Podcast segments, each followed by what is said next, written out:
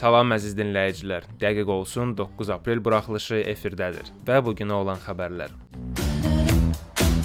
Beyinlə idarə olunan texnologiyalar reallığa çevrilir. Hindistanın yeni TikToku. Sony şirkəti filmlərini Netflix-də yayımlayacaq. Apple şirkəti öz avtomobili haqqında açıqlama verdi. İndi isə keçək təfərrüatlara.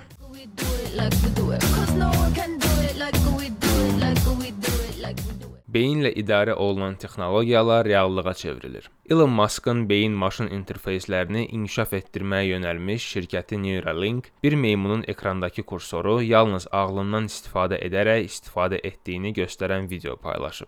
9 yaşlı bir makak meymunu olan Pager-a videonun çəkilməsindən təxminən 6 həftə əvvəl Neuralink implantasiya edilib. Əvvəlcə ona joysticklə video oyun oynamağı öyrədilib. Bunu edərkən Neuralink cihazı hansı neyronların hərəkət etdiyinə dair məlumatları qeydə alıb. Bununla da cihaz beynin hansı bölgələrinin hərəkət etdiyini müşahidə edərək əl hərəkətlərini proqnozlaşdırmağı öyrənib. Neuralink nümunələri öyrəndikdən sonra oynadığı joystick pagerin kompüterindən çıxarılıb. Meymun yalnız ağlını istifadə edərək oyunu oynamağa davam edir. Heç bir joystick olmadan Pong oyunu oynayır. İyul 2019-cu ildə Musk bir meymunun beyni və Neuralink implantının kompüteri idarə edə bildiyini demişdi. O vaxtdan bəri donuzlarda Neuralink texnologiyasının nümayişlərini görürdük. Bu gün Musk Twitterdə bildirib ki, Neuralink iflic olan birinə smartfonda əllərini istifadə edəndən daha sürətli yazı yazmağa imkan verəcək. Daha sonrakı hədəf beyindəki sinir bağlayıcılarından əsas bədən sinir qruplarındakı sinirlərə siqnal göndərmək, bununla da məsələn paraplegiklərin yenidən yeriməsinə imkan yaratmaqdır. Musk bu sözləri Twitterində deyib.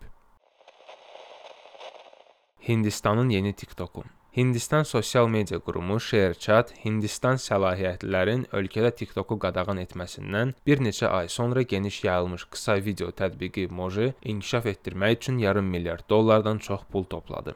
5 yaşlı şirkət Tiger Global Management, Snap və Twitter ilə birlikdə alıcılardan 502 milyon dollar toplayıb. Hal-hazırda 2.1 milyard dollar dəyərindədir.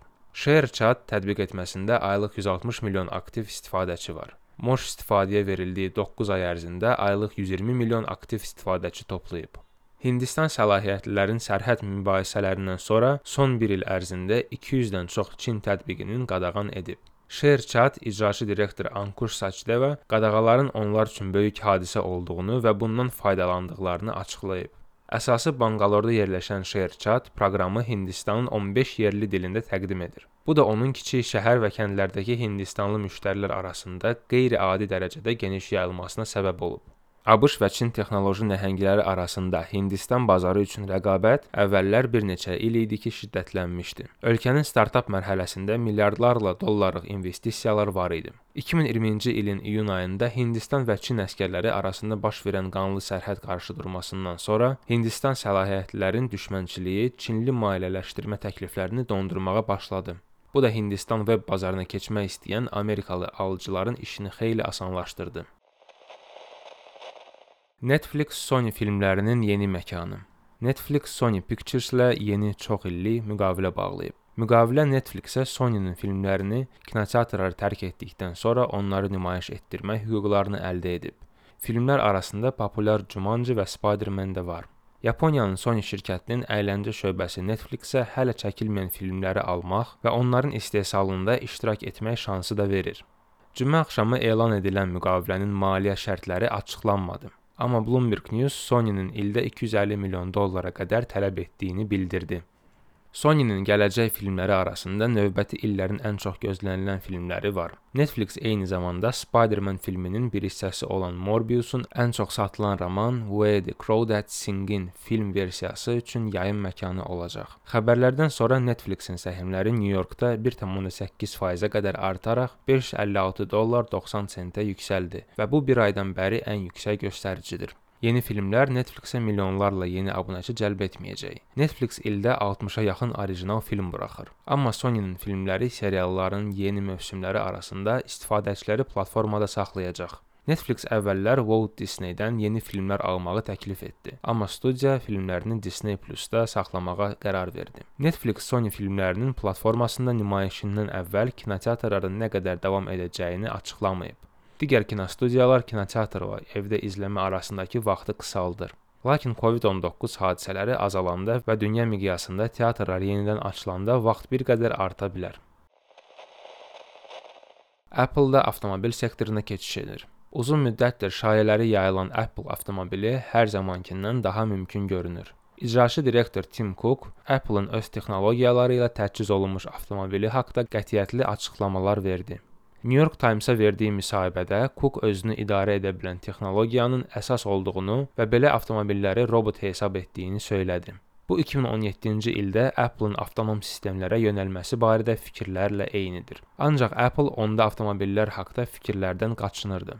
Cook təchizat, proqram təminatı və xidmətləri birləşdirməyi və bunların kəsişmə nöqtələrini tapmağı sevirik. Çünki əsas prosesin burada baş verdiyini düşünürük və bunun ətrafında olan əsas texnologiya sahibi olmağı sevirik, deyərək o əlavə edib.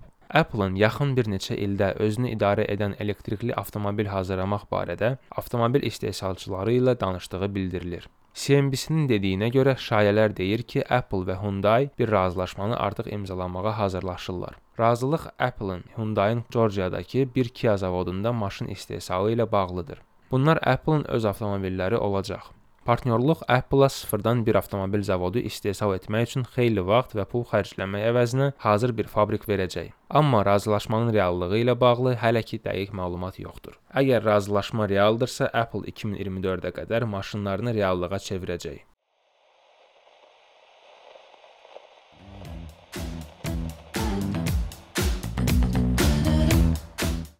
Əziz dinləyicilər, bu günlük bu qədər. Növbəti buraxılışda görüşmək ümidi ilə. Sağ olun. 13 you working but you're flirting with the weekend you can freak out one in a million you're a damn shine when the light grows